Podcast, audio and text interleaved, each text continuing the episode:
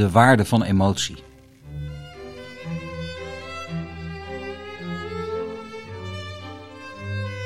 Geschreven op 11 mei 2021 door Arco Kats. En dat ben ik. De waarde van emotie. Ben je blij? Ben je boos? Ben je, ben je bang? Ben je enthousiast? Ben je teleurgesteld?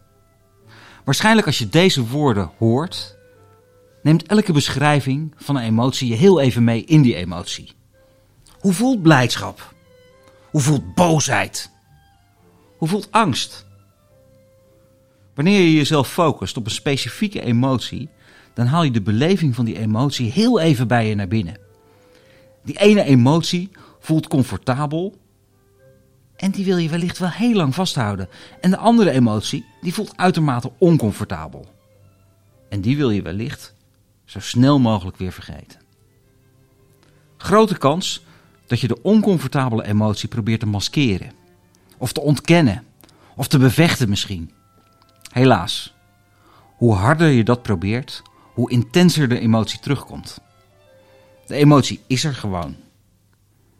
En als je de emotie erkent, dan gaat die emotie gewoon weer bij je vandaan. Je kan namelijk niet 24 uur per dag blij zijn, of verdrietig, of boos. Emoties wisselen elkaar af. Emoties bevatten waardevolle informatie. Het is namelijk een directe respons vanuit je innerlijke systeem over hoe jij de situatie ervaart. De innerlijke stem van jouw emoties heeft je heel veel te vertellen. Maar dan moet je er wel naar luisteren. En oprecht luisteren lukt pas als je jezelf ervoor openzet. Als je de moeite doet om te begrijpen wat je voelt. Als je de moeite neemt om accuraat te benoemen welke emotie er door je heen gaat. Veel emoties gaan voorbij als je niet ingrijpt. Verdriet maakt plaats voor aanvaarding als verdriet er mag zijn. Als verdriet er niet mag zijn, dan kan het geen ruimte maken voor aanvaarding.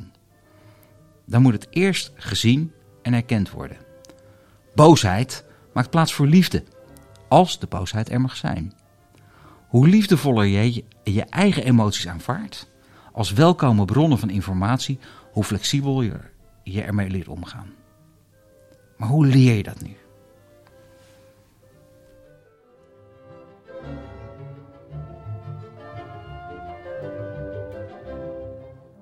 Hoe leer je nou het herkennen van emoties, het benoemen van emoties, het aanvaarden van emoties, zodat ze van toegevoegde waarde voor je zijn? Allereerst is het van belang om het omgaan met emoties te zien als een vaardigheid. Want een vaardigheid is namelijk iets wat je kan leren. En de vaardigheid bestaat uit een aantal stappen. Om te beginnen, weet dat je emoties hebt en dat deze door je heen stromen. Jij bent niet je emotie, jij hebt je emotie. Het is heel belangrijk om deze vast te houden.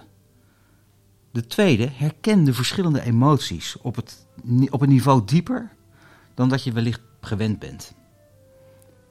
Je voelt plezier of ongemak, maar wat is dat nou precies? Ongemak kan namelijk voortkomen uit angst, uit schaamte, uit verdriet, uit onmacht.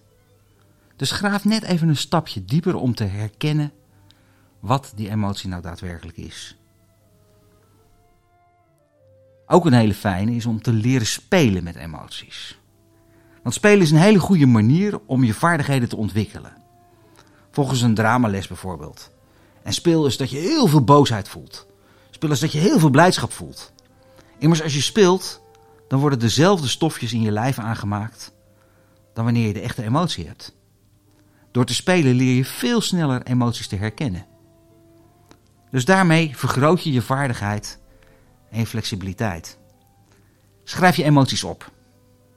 Tracht te achterhalen waar ze vandaan komen. En deze sluit aan bij het herkennen van die diepere laag. Dus schrijf ze op. Tracht te achterhalen waar ze vandaan komen. Is het een primaire reactie of is het een koppeling van die ene emotie aan een herkenbare situatie?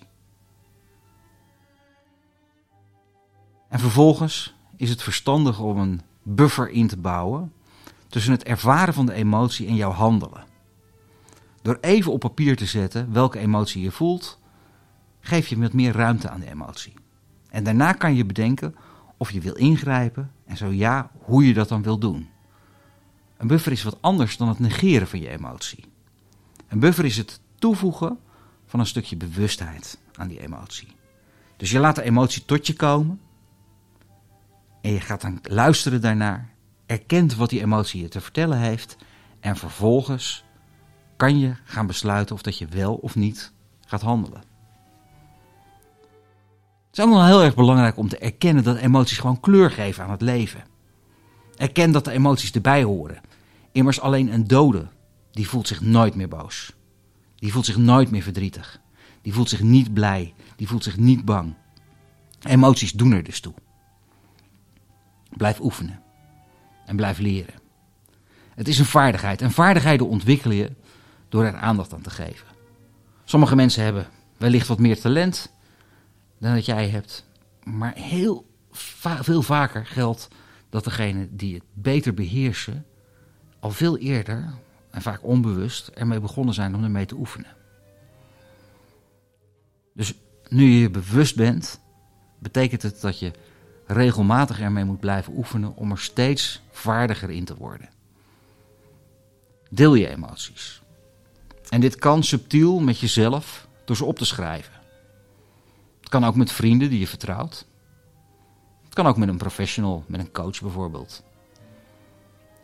Wees je er wel van bewust dat wanneer je ze deelt, de ander ze wellicht helemaal niet begrijpt. Dus zoek de personen waarmee jij dit deelt zorgvuldig uit. De waarde van de emotie, die krijgt nog meer waarde voor je als jij er bewust mee omgaat.